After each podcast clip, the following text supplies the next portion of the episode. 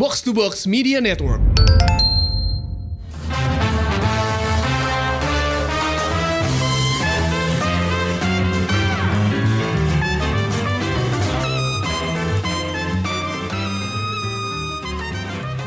Halo, selamat datang di Showbox Podcast dengan gue Lisa. Dan gue Amy. Hai hai. Halo. Berapa minggu ya nggak rekaman. Aduh, it's been uh, busy gitu ya. It's been busy. Tapi uh, sebelum kita mulai episode ini, gue mau ngucapin happy belated birthday Amanda.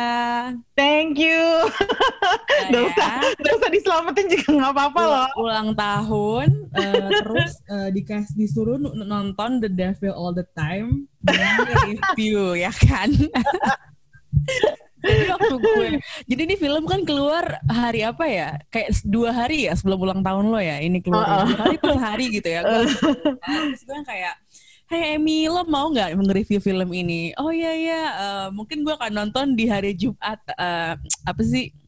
Eh, Hari ulang tahun gue, iya, iya. birthday treat gitu. Terus gue tuh I had no idea what the movie was about. Jadi gue kayak oh yeah yeah sure Tom Holland and Sebastian.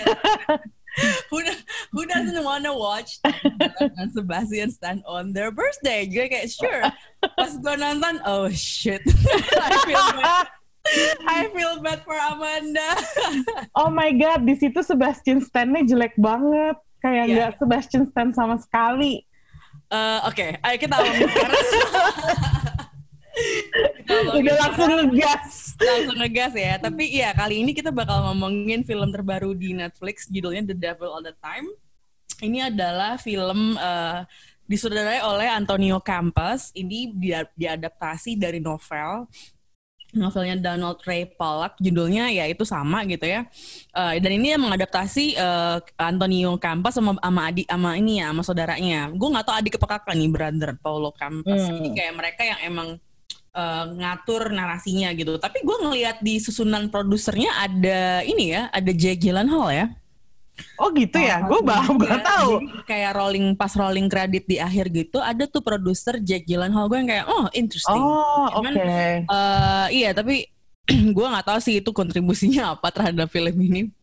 Em, cuman kita menarik sih buat eh, buat ngomongin ini. Apalagi gue tuh ngerasanya karena emang bioskop tutup terus juga kadang-kadang tuh gue bingung gitu loh kayak kita tuh mau ngomongin film apa ya yang eh, lumayan big hit gitu. Mm, Em, tapi ya mau nggak mau harus nunggu ini kan OTT kan gitu. mm-mm. Nah kemarin ada Disney Plus, terus em, nanti mungkin di ending kita bakal ngomongin sedikit kali ya tentang Disney Plus.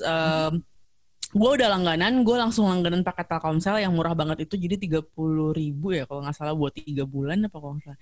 Ya something like that. Mm-mm. Em, nanti kita obrolin soal Disney Plus ya.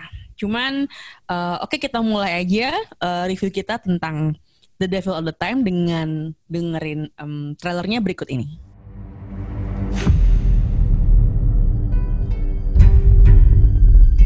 How and why people from two points on a map without even a straight line between them can be connected is at the heart of our story in Knock 'em Stiff. You ever think about how we ended up orphans living in the same house? I know what my daddy did. Some people would say it's just dumb luck. You take pictures? I do. I see a smile pretty enough to photograph, that is. Others would tell you it was God's plan. Blessed are they who hunger and thirst for righteousness. That ain't no preacher. He's as bad as they got on the damn radio. When people look back on it, they'd had no other choice. There's a lot of no good sons of bitches out there. Excuse me, preacher. You got time for a sinner? Studied something. It's called the delusion. A belief that is untrue. It is our delusion that lead us to sin.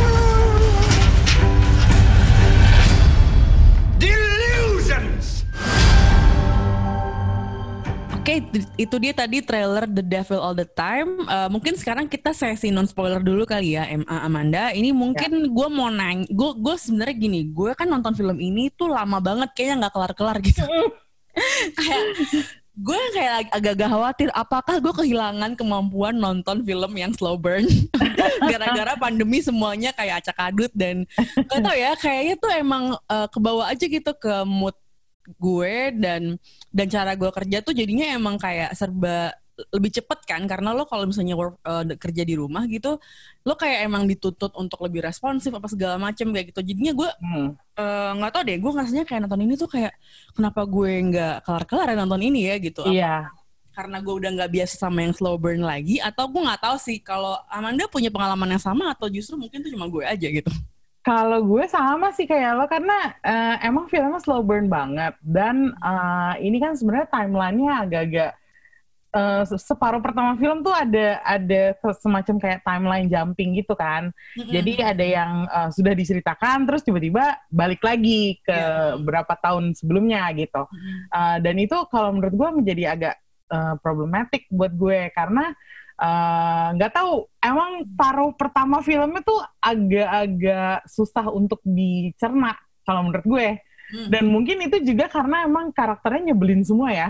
Jadi eh, di sini di, di The Devil All the Time ini karakternya, um, by the way, eh, background ceritanya tuh di West Virginia. Jadi agak-agak eh, southern gitu kan dan Iya. dengan Jadi lo you get to listen to these actors uh, pulling Iya. their south southern accents gitu kan. Terus gue kayak Uh-uh. ini Robert Pattinson ngomong apa ya? iya itu dia makanya jadi nggak enak gitu mana sebenarnya kita tahu aktor-aktor ini sebenarnya bukan aktor-aktor Amerika asli kayak uh, Iya. Bill Skarsgård terus udah gitu uh, Jason Clarke uh, Sebastian Stan mereka kan uh, sebenarnya nggak ada yang asli Amerika gitu kan Hmm. meskipun keluarga negaraannya oke mungkin kayak Sebastian Stan uh, orang Amerika cuman uh, origin mereka bukan dari Amerika dan Dan aksennya nggak kayak gitu ya? Nah, eh, dan Ya. apa kita sering banget dengerin mereka ngomong dan eh, kayak ya udah eh, gaya ngomongnya biasa aja gitu kan makanya kalau menurut gue emang susah banget sih untuk masuk ke film ini kalau misalnya kita nggak benar-benar konsen apalagi kalau lo nonton sambil kerja gitu kan Gue kayaknya ada at some point uh, of the movie gue nonton sambil doodling gitu loh nggak lo? Karena kayak itu kayak masih di awal-awal gitu loh kayak ini apaan sih? Iya gitu. iya, gue juga gitu. gue juga kayak gitu banget. Iya, Makanya gue kayak, aduh ini tuh eh, setelah gue berusaha nonton, bagian pertamanya aja gue selesaikan dalam dua jam. Itu karena gue ya berdiri dulu, ngambil kopi dulu, Iya, balik iya, lagi iya. ke tempat Kayaknya emang duduk. kita lebih gampang ke distract ya karena di rumah. Iya, iya. Jadi ya nggak salah juga sih sebenarnya karena filmnya juga agak lamban. Terus eh, kitanya juga nontonnya di rumah nggak di bioskop yang terpaksa duduk diem di dalam ruangan eh, gelap dan ber AC gitu kan. Jadi kayak ya udah sih kalau misalnya emang eh, susah konsentrasi ya itu sih gue sih paham banget maksud lo Lis karena gue pun kayak gitu. Oke, tapi kalau eh, oke kalau kita ngomongin ceritanya nih ya, gue tuh eh, dari awal kan merhatiin tuh, eh, jadi eh, jadi tuh kan awalnya orang-orang ini ketemu, tapi terus eh, mereka hanya akhirnya terconnected tuh ter saling berhubungan tuh di kayak dua di third act lah ya dua per tiga Hmm. akhir gitu baru kayak Hmm. oh ntar ketemu ini ketemu ini gitu jadi kayak Hmm. awalnya emang jalan hidupnya ya misah-misah aja gitu kan Iya. Eh, cuman gue nggak ngerasa film ini ya gue nggak ngerasa film ini punya sesuatu yang mau disampaikan sesuatu yang baru yang mau disampaikan gitu jadi kayak eh, oke eh, semua orang eh, eventually akan berbuat buruk gitu ya. Kayaknya eh, semua orang tuh buruk dan baik hanya di apa ya dalam satu kegiatan. Ngerti nggak sih? Kayak nggak ada yang baik terus dan nggak ada yang eh, buruk terus juga ya. Ada nggak yang buruk terus? Ada juga sih ya. Cuma kayak nggak maksudnya kayak nggak ada yang baiknya constant gitu loh. Karena eventually ya you you gonna do something that upset other people kayak gitu kan. Mm-mm. nah eh, itu tuh gue nggak ngerasa eh, mungkin salah satu hal yang bikin gue juga agak sulit untuk eh, lanjut nonton dan bahkan menyelesaikan gitu ya karena gue ngerasa itu juga gitu. Jadi kayak jadi lo mau ngomong apa nih sebenarnya? gitu. Ngerti gak sih? Hmm, kayak lo hmm. mau ngomong eh, orang dipaksa jadi eh, orang terlalu dicokokin agama terus jadi buruk enggak juga kan sebenarnya. Ngerti gak sih? Kayak terus kayak latar belakang perang hmm ya itu kayak mildly aja gitu kan kayak gitu. Kalau gue ng- ngeliatnya sih gitu. Kalau lo gimana? Kalau gue tadinya juga gue nggak ngerti sih film ini mau menyampaikan apa. Karena ya gitu ada karakter yang eh, di sempat berada di satu tempat yang sama tapi terus mereka menjalani hidup masing-masing. Dan hidupnya tuh penuh kekerasan kan masing-masing. Jadi kayak mereka semua tuh terlibat violence uh, dalam cara yang kecil atau cara yang besar gitu. Dan uh, violence itu kenapa datangnya dari mana? Ada yang datang dari trauma, ada yang mungkin datang dari uh, kayak semacam uh, ya human nature-nya dia kayak gitu, atau karena kondisi hidup mereka nggak memadai gitu. Tapi masa sih cuman cerita tentang violence aja? Kayaknya film-film lain udah banyak deh yang ngebahas tentang violence yang seperti itu. Nah iya. Itu kayak Iya kan? jadi kayak nggak ada yang baru itunya kan. Jadi Iya. kayak gue tuh nungguin gitu nih terus apa ya? Terus terus di mana nih lo bakal ngasih gue sesuatu yang baru? Itu gue nggak dapetin. Iya, jadi kayak sepanjang film tuh kita hanya disuruh nonton orang eh, ya menyakiti satu sama lain gitu loh. Dan kayak nggak ada apa ya, kayak nggak ada harapan yang muncul dari eh, penderitaan orang-orang itu. Makanya ini film susah banget sih untuk dinikmatin. Eh, meskipun gua nggak bi- nggak bilang filmnya jelek ya, tapi Iya, itu dia that's the thing ya susah kan banget untuk dinikmatin, susah Ya. banget untuk dicerna, untuk ditelen. Makanya kalau misalnya menonton film ini tuh kalau menurut gue emang lo harus butuh suasana yang pas banget deh. Dan Intinya lo lagi nggak dalam keadaan buru-buru karena filmnya iya. emang kayak slow burn leisure aja gitu iya, jadi lo harus benar-benar kayak dalam kondisi tenang, suasana lo di kanan kiri tuh nggak ada keramaian, nggak ada kesibukan apa-apa gitu. Karena emang butuh benar-benar konsentrasi untuk Ya. kayak menyerap apa sih maunya film ini Iya. gitu. Jadi itu kan emang ceritanya kalau kita boleh ngomongin sinopsisnya dikit gitu ya, dikit jalan ceritanya gitu. Eh, Jadi Tom Holland ini berperan jadi seorang anak gitu ya. Dia Mm. namanya Arvin Mm-mm. eh, dan dia tuh punya masa trauma masa kecil karena bapaknya tuh bunuh diri gitu kan. Mm. Nah tapi eh, itu tuh nggak berhenti di situ gitu. Jadi sep- eh, sepertiga awal film tuh kita dikasih cerita hidup bapaknya dulu nih gitu. Jadi Hmm. kalau lo nanya, nih posternya Tom Holland mana Tom Holland ya Tom Holland tuh baru kayak nongol. kayak berapa ya? Di kayak tengah emp- 40 menit gitu. Iya. Setelah Kayak 40 menit baru ada Tom Hollandnya. setengah jam di awal tuh kita cuma ngeliatin kisah hidup bapaknya itu doang kan gitu jadi kayak emang seslow itu filmnya gitu ya dan bakal ada juga bakal ya kan kan kalau ngelihat promo-promonya ya ada Robert Pattinson ada Sebastian Stan itu kayak karakter-karakter yang ada di eh, seputar hidupnya Arvin eh, Tom Holland sebagai Arvin gitu dan itu tuh kayak apa ya banyak dari awal kan digambarkan bapaknya itu seseorang yang em, religius gitu ya. Gue ngerasanya tuh emang film ini pengen mengkritik berbagai apa ya. Jadi ada banyak ada banyak jenis eh, kemunafikan yang dis- yang diakibatkan karena lo tuh terlalu eh, pious tuh apa ya Amy ya? Taat beragama ya? Apa Iya, sih tuh? eh, ya, alim alim. ya soalim lah intinya kayak gitu. Dia mengkritik orang-orang yang so alim gitu kan. Eh, nah tapi gue nggak nggak tahu ya gue tuh ngerasanya itu kritiknya apa ya bukan sesuatu yang baru aja gitu Iya emang, emang bukan sesuatu yang baru karena di film lain sudah pernah dilakukan. Hmm. Maksudnya kalau misalnya eh, kemarin gue sempat ngecek IMDb-nya, terus ada yang menyamakan film ini dengan No Country for Old Men. hmm oke dan kalau menurut gue eh, sebenarnya mirip-mirip sih. Hmm. Maksudnya kan eh, jadi sebenarnya gini ya, kalau menurut gue film ini tuh ngasih lihat bahwa eh, kalau lu punya perasaan takut, kalau rasa ya itu yang yang si preacher yang eh, yang bapaknya si Lenora itu kan. Eh, Hmm. by the way kita udah boleh spoiler belum nih? belum belum belum belum belum ya? Oke, mau jadi masuk sesi spoiler aja apa gimana nih Boleh, boleh. Karena ini agak spoiler sih. Ribet kalau ya, gue. ribet ya. ribet, ribet, ribet. Untuk ngejelasin ribet. Oke, mungkin kita akan langsung masuk ke sesi spoiler setelah yang satu ini. Oke, sekarang kita sudah masuk ke sesi spoiler. Nah, Eh, gimana gimana gimana. Jadi tuh eh, Kak- si Arvin ini punya adik tiri. ah, adik tiri namanya Lenora. Namanya Lenora gitu. Nah, Lenora ini bapaknya preacher juga. Hmm. Nah, tapi preachernya eh, beda ya sama preacher Robert Pattinson. Obviously he's older, tapi eh, udah nggak ada gitu. Nah, Ya. bapaknya si Lenora ini kan sempat sempat eh, berpidato gitu kan di depan congregationnya gitu. Ya. Uh, kalahkan rasa takut, lo nggak boleh takut. Kalau lo takut, bla bla bla bla bla gitu. Kalau Hmm. menurut gue, ya mungkin orang-orang ini ya di zaman tahun 50-an di rural Amerika, mungkin mereka masih menyimpan banyak ketakutan gitu loh, kayak ketakutan fear of the unknown. Kalau misalnya lo takut sama sesuatu yang lo nggak ketahui apa sih? Lo lo berpegang pada apa sih? Lo berpegang sama nyokap lo apa sama orang-orang sekitar lo? Atau lo malah berpegang sama janji-janji palsu yang dibawa sama uh, preacher yang mungkin he doesn't really know what he's talking about gitu loh.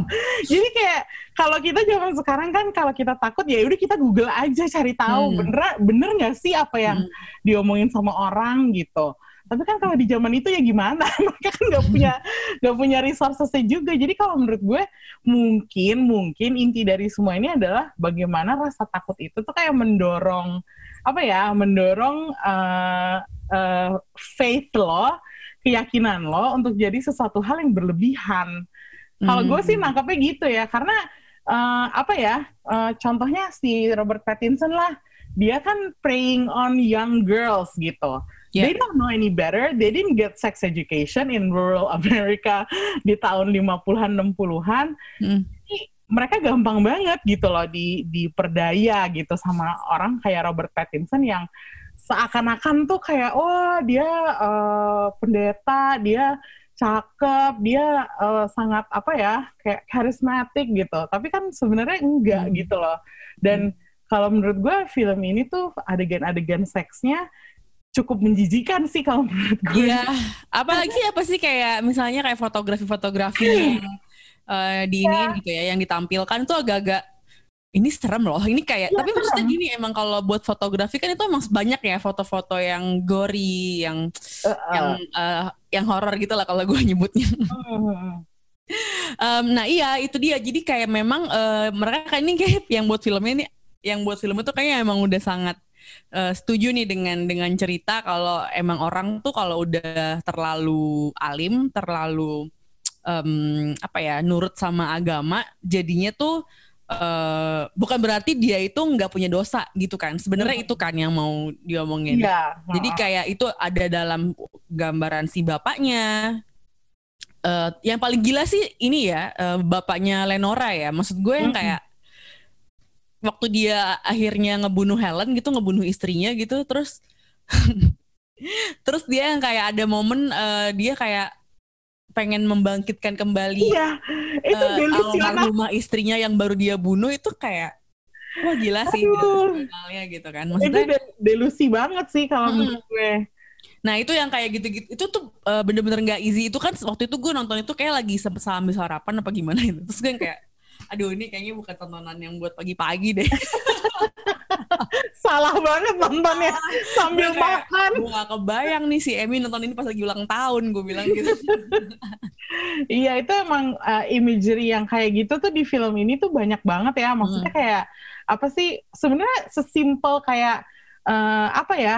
Uh, kan sebenarnya adegan uh, seksnya kan nggak pernah secara eksplisit ditampilkan, tapi Iya. suges- sugestif gitu kan. Hmm. Dan adegan-adegan yang kayak lo bilang tadi itu kayak apa sih si bapaknya Lenora terus yang uh, sambil berlutut terus tangannya terbuka gitu kayak memohon sama Tuhan bahwa ayo uh, bangkitkan istri saya lagi gitu. terus eh apa Gila. ya terus halu ya halu gitu kan terus gue kayak. "Ah, ini gila sih gue yang kayak oke oke. Dan tapi itu dan juga- again itu kan latar belakangnya karena memang masyarakat di saat itu tuh memang lagi sangat apa ya grieving karena perang ya kan perang dunia kedua. Terus ada juga Vietnam ya yang disebut-sebut gitu. Jadi kayaknya emang hidup tuh kayak sia-sia gitu ngerti gak sih? Kayak Iya. kayak memang yang waktu itu tuh sangat mengguncang banget eh, dialognya dari Carl eh, pacarnya gimana itu pacarnya adiknya sheriff yang diperankan oleh Sebastian yang Stan. diperankan oleh Sebastian Stan gitu kan. Jadi dia bilang eh, setelah dia ngebunuh orang gitu ya terus dia bilang ya udah sih ntar kalau nggak mati sama gue juga dia juga bakal mati di Vietnam ditembak orang gitu. Jadi kayaknya emang apa ya di saat itu tuh kayak sebuah potret kehidupan masyarakat yang memang sangat lagi apa ya gelap dan berdu- berduka gitu ya. Karena dikelilingi banyak apa ya banyak tragedi. Disaster gitu di- ya banyak tragedi banyak trauma gitu kan. Jadi eh, akhirnya mereka pun eh, jadi itu ya jadi terdampak dengan trauma itu regardless of mereka tuh religius atau enggak. Kalau menurut gue sebenarnya tuh gitu gitu kan. Jadi kayak tapi yang tergambarkan yang religius religiusnya gitu doang gitu loh kayak apa ya? Ya nggak sih? Ya, atau, ya, atau ya. menurut lo atau menurut lo orang-orang kayak Carl ya dia jahat aja gitu kalau gue menurut gue Carl itu emang eh, gue kan kita kan nggak dikasih tahu ya masa kecilnya Carl tuh kayak nah iya itu nggak adil tuh. Karena yang lain dikasih Ah, tahu. iya, yang lain dikasih tahu gitu. Jadi kalau menurut gue bagian itu tuh kita nggak pernah akan Iya, tahu apakah Carl itu beneran jahat dari awal atau emang ke dia karena terbentuk oleh eh, situasi juga seperti eh, bapaknya Lenora sama bapaknya Arvin gitu kan. Iya. Tapi kalau menurut gue sih eh, bisa dibilang dia kayak the biggest villain of the piece kalau menurut gue. Iya. Karena emang ya karena kita nggak tahu apa-apa tentang dia yang kita lihat adalah dia hanya melakukan tindakan jahat sementara Hmm. istrinya yang eh, Sandy ya kalau nggak salah namanya Iya. Si Sandy itu yang merupakan adiknya karakter Sebastian Stan dia masih punya sedikit moralitas gitu dia masih Hmm. nimbang bener nggak nih yang gue lakukan tapi Hmm. ujung-ujungnya dia tetap melakukan ke- kejahatan juga kan dia tetap Iya. ngikutin si suaminya ini dia tetap ngikutin Carl gitu jadi Hmm. ya ya putus asa aja deh udah kayak udah pasrah aja deh emang ya udah kayak gitu aja gitu jadi Jadi tuh intinya film ini bukannya jelek gitu ya. Storynya tuh menurut menurut kalau menurut gue biasa aja ya nggak sih? Lo setuju Ah, nggak? Storynya iya, tuh biasa, biasa- aja biasa in a way nggak ada nggak ada hal baru yang ditawarin gitu. Kayak kita udah pernah ngeliat kalau orang yang eh, alim tuh ternyata bisa jadi jahat gitu kan dan Hmm. film-filmnya slow burn segala macam kayak gitu.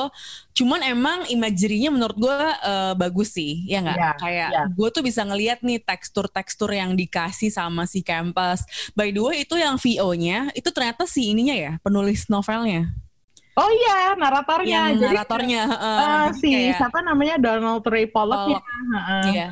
Gitu. Jadi dan secara musik, secara image gitu ya, visual itu menurut gue emang bagus sih gitu. Dan gue sangat gue tuh menurut gue kita terselamatkan juga sama acting para castnya yang emang bagus. Hmm, banget Oh, jadi banget kayak emang eh, nggak ada bahkan Robert Pattinson ya.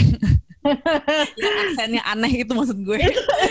itu tetap tetap bisa apa ya pull eh, pull the weight gitu. suaranya suaranya aneh banget di sini Iya, gue Kayak- kayak, kayaknya Southern accent nggak kayak gitu. iya iya iya iya iya iya. kayak suaranya tuh suara apa ya suara orang Kayaknya gitu gimana gitu ya.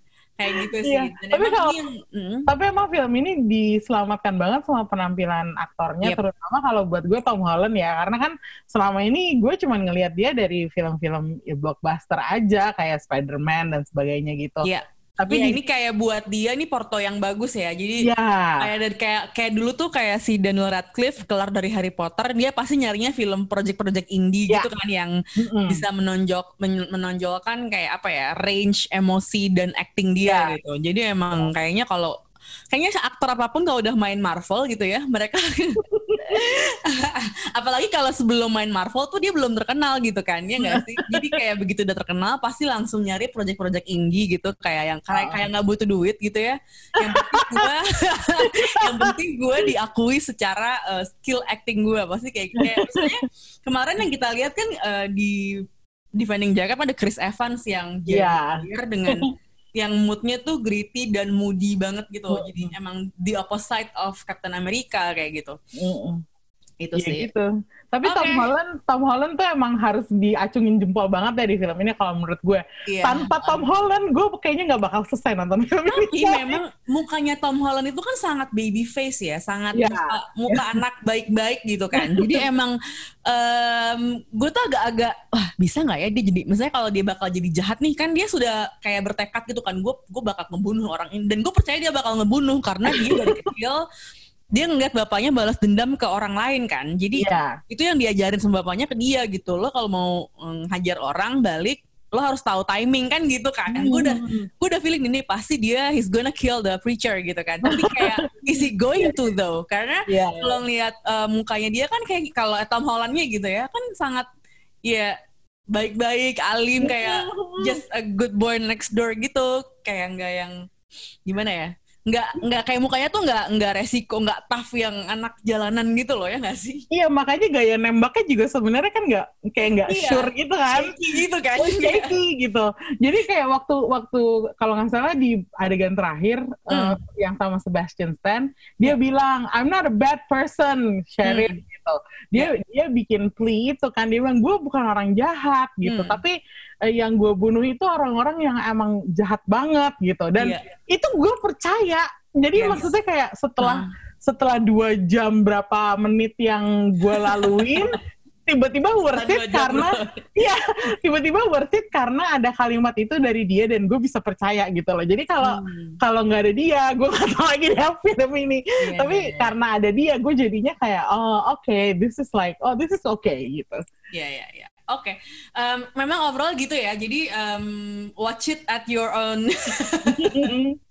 Lo tahu resikonya kalau nonton gitu kan. Cuman menurut gue oke kok di di tengah tontonan mungkin yang kalau lagi agak-agak nonton apa ya yang kira-kira dua jam Hmm. kelar gitu. Ini sih, ini boleh sih gitu kan.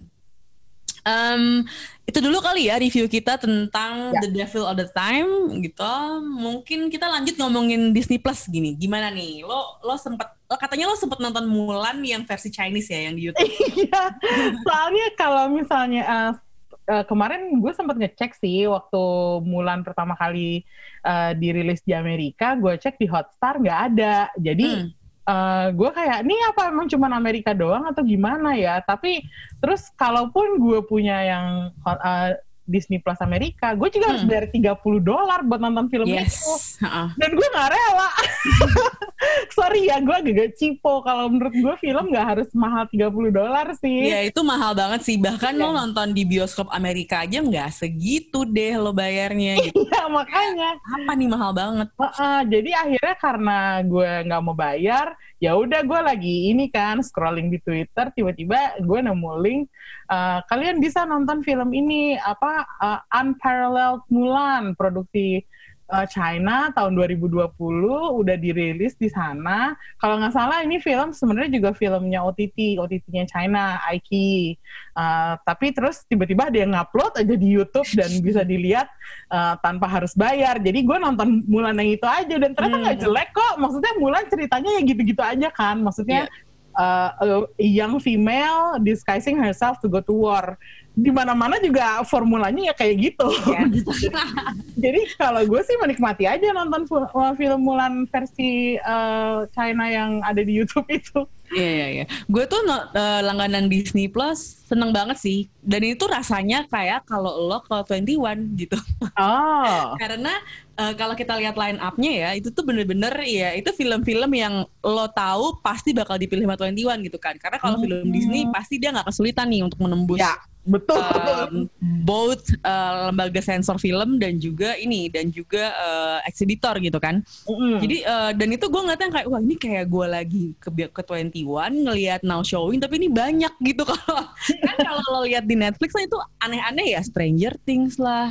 Iya. Apa dulu kan apa dulu kan House of Cards terus ada series-series baru. Iya kan itu kan series-series baru yang apa ya bukan properti dari zaman dulu gitu kan. Kalau ini Iya. tuh lo ngelihat Lion King, lo ngelihat Cinderella, apa terus all the Marvel movies, all the Star Wars gitu kan.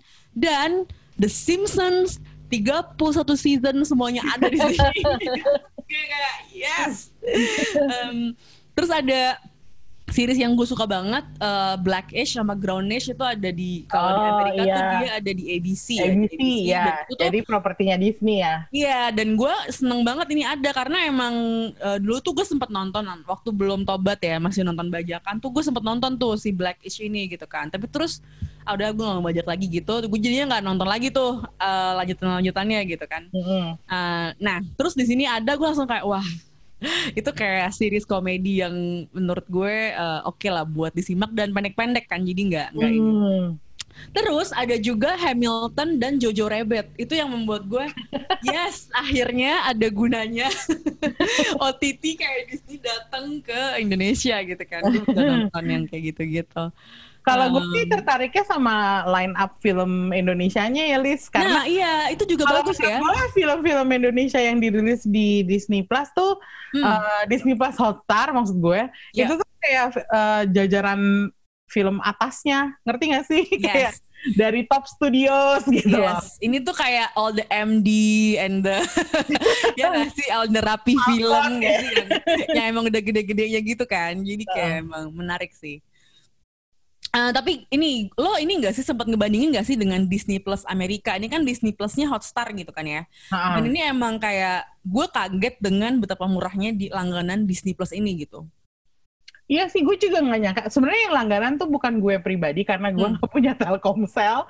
Jadi Hmm. eh, langganannya via adik gue kan. Hmm. Jadi gue eh, sempat ngecek dan adik gue punya dua-duanya karena dulu dia sudah mendaftarkan email dia untuk Disney Plus yang asli. Eh, yang Amerika maksudnya? yang Amerika. ha. Oke. Terus udah gitu eh, sempat kemarin dapat aksesnya dari temennya dia yang emang Hmm. eh, tinggalnya di Amerika gitu kan. Jadi eh, gue udah sempat ngeliat tuh line up-nya segala macam. Kalau menurut Hmm. gue Disney Plus masih lebih lengkap sih daripada Disney Plus Hotstar. Tapi Hmm. yang Hotstar juga nggak kalah gitu. Hmm, Maksudnya hmm. eh, untuk eh, key titles, eh, essential titles-nya ada semuanya. Hmm. Mungkin hanya Key film-film titles ya. ya key titles-nya ada semua jadi kayak semua line up Disney yang lo pengen tonton itu ada semuanya gitu Hmm, jadi oke. kalau menurut gue itu udah cukup lah kalau misalnya dengan de- dengan harga semurah itu ya kayak gue sih kalau dengan harga tiga puluh ribu tiga bulan ya kalau nggak salah itu iya tiga bulan. Hmm. gue udah kayak tutup mata sih Terus terus jangan salah. gitu Eh, itu kan tiga puluh ribu tiga bulan ya. Ada tuh di Telkomsel paket langganan setahun seratus tiga puluh sembilan ribu. ya iya iya itu itu juga sih Mahalan Netflix buat empat orang dalam sebulan. Gue kan Iya. Netflixnya berempat tuh ya.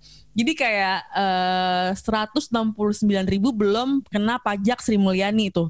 Nggak tahu nih ntar bulan Oktober kan kena pajak tuh sekarang jadi Iya, berapa gue iya. nggak tahu. Cuman kayak segitunya kayak emang murah banget. Gue juga bingung kayak ini hitung-hitungannya gimana ya? Kayaknya mereka emang bener-bener akhirnya memutuskan untuk ngambil ya udah nih gue nggak bisa saingan sama yang mahal-mahal murahin aja langsung gitu ya nggak sih kayak Hmm. emang Tapi banting gua- harga sekalian gitu biar orang-orang tertarik untuk daftar gitu Kalau gue takutnya nanti eh, kalau misalnya udah banyak ininya tiba-tiba mereka naikin gitu bisa aja kayak misalnya setelah setahun dua tahun tiga Mm-mm. tahun kali ya mungkin eh, dua tahun pertama mereka tetap murah dulu tapi nanti tiba-tiba kayak dreng dapat harga baru gitu yang Hmm, lebih mahal. gitu ya.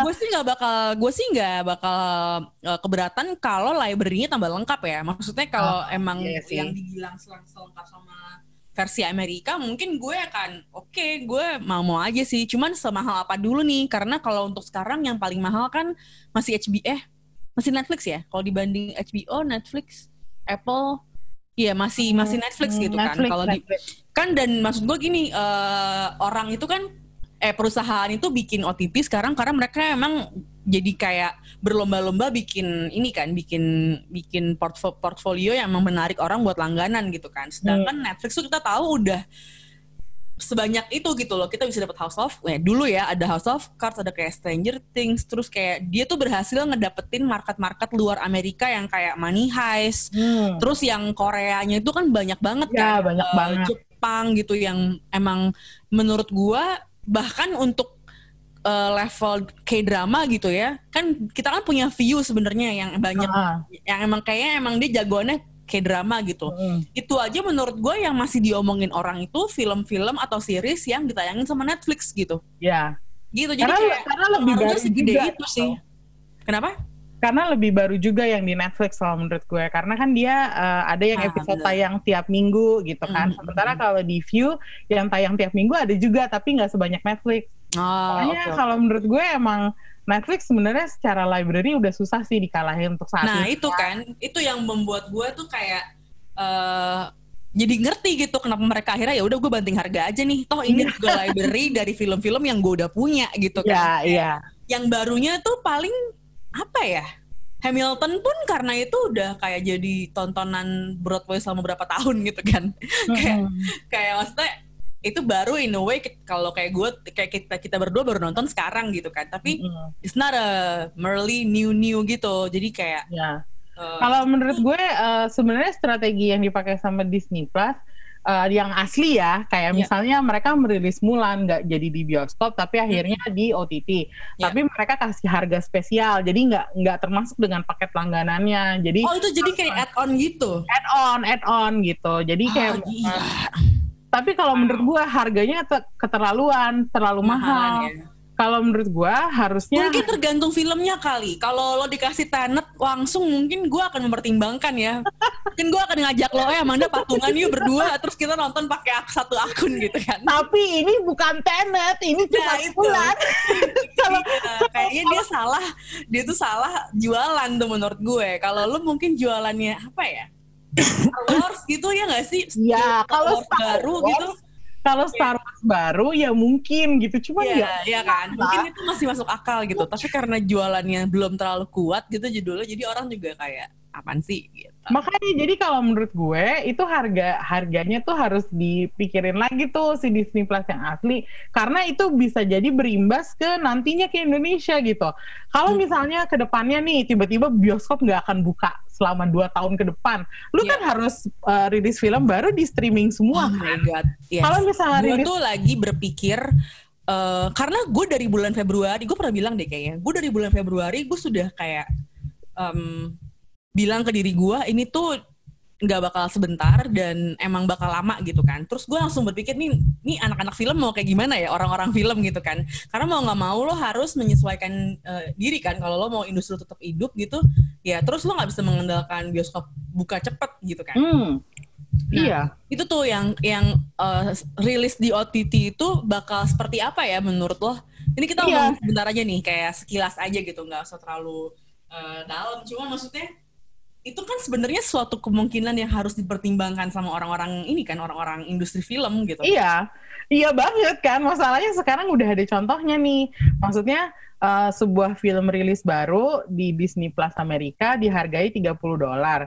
Kalau misalnya ke depannya OTT-OTT lain mau ngikutin, berapa harga yang pas gitu loh. Kalau film sekelas Tenet lo bilang 30 dolar is fine. Lo akan mempertimbangkan, mungkin patungan sama temen gitu kan. Ya, Tapi gimana yang lainnya? Apakah ada film yang eh, kelasnya sama kayak Tenet untuk bisa dihargain segitu? Nah, atau tapi kalau lo ngomong kayak gitu, gitu. Tapi kalau lo kalau lo mikirnya kayak gitu, gimana dengan orang nentuin harga tiket bioskopnya? Sebenarnya Iya. kan yang yang bikin kita Iya. ini kan. Jadi kayak ya kan filmnya mau sama aja mau filmnya Benyamin Biang Kerok atau filmnya Pirates of the Caribbean gitu. Ini kayak ini karena depan muka gue nih Disney Plus-nya gitu. Jadi gue sebut eh, itu tetap sama aja gitu kan. Eh, ya kayak gitu. Jadi tapi ya jadinya siapa yang bakal nentuin standar harga ini gitu kan? Hmm. Karena bioskopnya aja menurut gue udah pada ya ini kan akhirnya yang punya yang punya gawang adalah orang-orang studionya gitu kan yang kayak Disney gitu yang di mana sebenarnya kalau di cara main cara main lama tuh ya mereka justru itu harga ditentukan oleh ini juga oleh bioskopnya juga gitu kan Hmm, iya itu dia. Kalau misalnya kita di Indonesia, jujur aja ya, kita tuh udah kebiasaan dengan harga bioskop murah.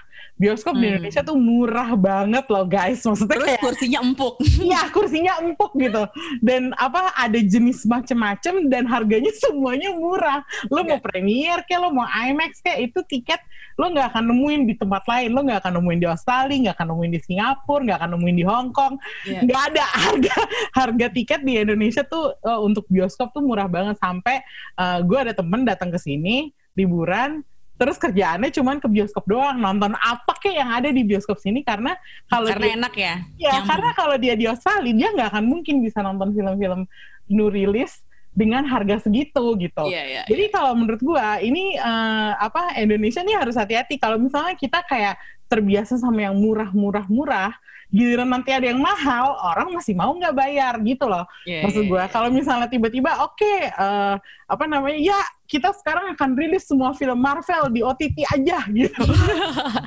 Tapi harganya 50 dolar, mampus nggak? Iya. Kalau gue sih kayak eh, ya harusnya ada harga internasional yang standar gitu kan. Iya, Tapi gue kalau benar 50 dolar, gue langsung bikin komunitas showbox. Ayo kita patungan, kita nobar, iya kan kita jadinya kayak nobar. gitu, Kalau nggak gitu. gantian nontonnya pakai satu akun di jam-jam yang berbeda. Kayak wah gila mahal banget 50 dolar jangan sampai nih. Iya, makanya jadi kalau misalnya satu film Mulan loh, Mulan aja bintangnya tuh oke mungkin dia terkenal di China, tapi kan si aktris yang Mulan ini kan practically unknown di seluruh dunia Hmm, lainnya gitu. Jadi iya, maksud gue Kalau gue rasa dia emang gak niat eh, launching itu kan karena pandemi aja kan. Jadi kayak awalnya kan emang di bioskop. Terus mungkin dia yang kayak oke we'll take that eh, risk. Ya udah launching aja di OTT gitu gak sih? Karena Iya. kayak ya udah cuma And ngetes water aja nih, ngetes ngetes ombak gitu kan, cek ombak. Iya, dan it's not a summer release juga kan, karena harusnya Hmm. dirilis awal tahun, tapi awal tahun aja kita udah kena pandemi gitu. Yes. Makanya, oh kayaknya gini, Jadi- kalau- misalnya mau nentuin harga, please lah, OTT OTT itu harap eh, harap apa ya, jangan terlalu mahal juga gitu, karena kalau Iya. enggak siapa yang mau nonton kasihan orang-orang yang kerja di industri filmnya juga gitu. Yes. Uh, apa oke lu mungkin harus menutup cost harus nge cover cost tapi kalau nggak ada yang nonton juga kan ya, ya gimana gitu kan nah terus udah gitu jadinya juga kalau kita kalau dari segi penonton kalau gue sih ya oke sekarang gue gue masih bisa nikmatin tiga bulan tiga puluh ribu satu tahun seratus tiga puluh sembilan ribu cuman siap-siap nambah aja. Siap-siap nambah biaya aja di di masa depan entah kapan. Iya, iya, iya. gitu. Moment of silence lah ya buat film-film yang mau kita tonton dari awal tahun dan belum kesampaian. gue kayaknya tiap bulan mau menang silence gue. Ada jadi ada dari yang pengen banget gue tonton kan A Quiet Place 2 uh, sequelnya Train to Busan yang tolong ya Rifki Mogi lo tuh ngirim-ngirim ke gue trailer trailer tapi kalau besoknya nggak buka juga eh, nggak bisa ditonton gitu kan. Terus apa tuh? Eh Tenet of course gitu kan banyak banget film-film tertunda ini kayak tahun 2020 tahun paling garing karena gue nggak nonton film-film baru yang uh, bikin gue bisa escape dari pahitnya dunia giliran nonton film baru filmnya depresi banget kayak The Devil All the. Time Justru sebenarnya Netflix itu dengan film-film kayak gini pas banget. Jadi ngimbangin ketika kita ke bioskop dikasih yang ya bubble gum lah gitu kan, yang kayak gitu-gitu. Jadi jadi bisa imbang gitu kan. Ini kayaknya kalau hidup udah pahit disuruh nonton The Devil All the Time, ya bolehlah agak-agak suntuk dikit nontonnya. Oke, itu dia kali ya obrolan kita hari ini. Thank you banget Ya. yang udah dengerin Showbox. Em, kita balik lagi minggu depan. Semoga kalau ada kalau ada film ada rilis yang seru ya kan Ya. syaratnya itu kalau enggak gue agak nggak termotivasi juga gitu buat review thank you Ami bye bye Oke, bye bye bye. semua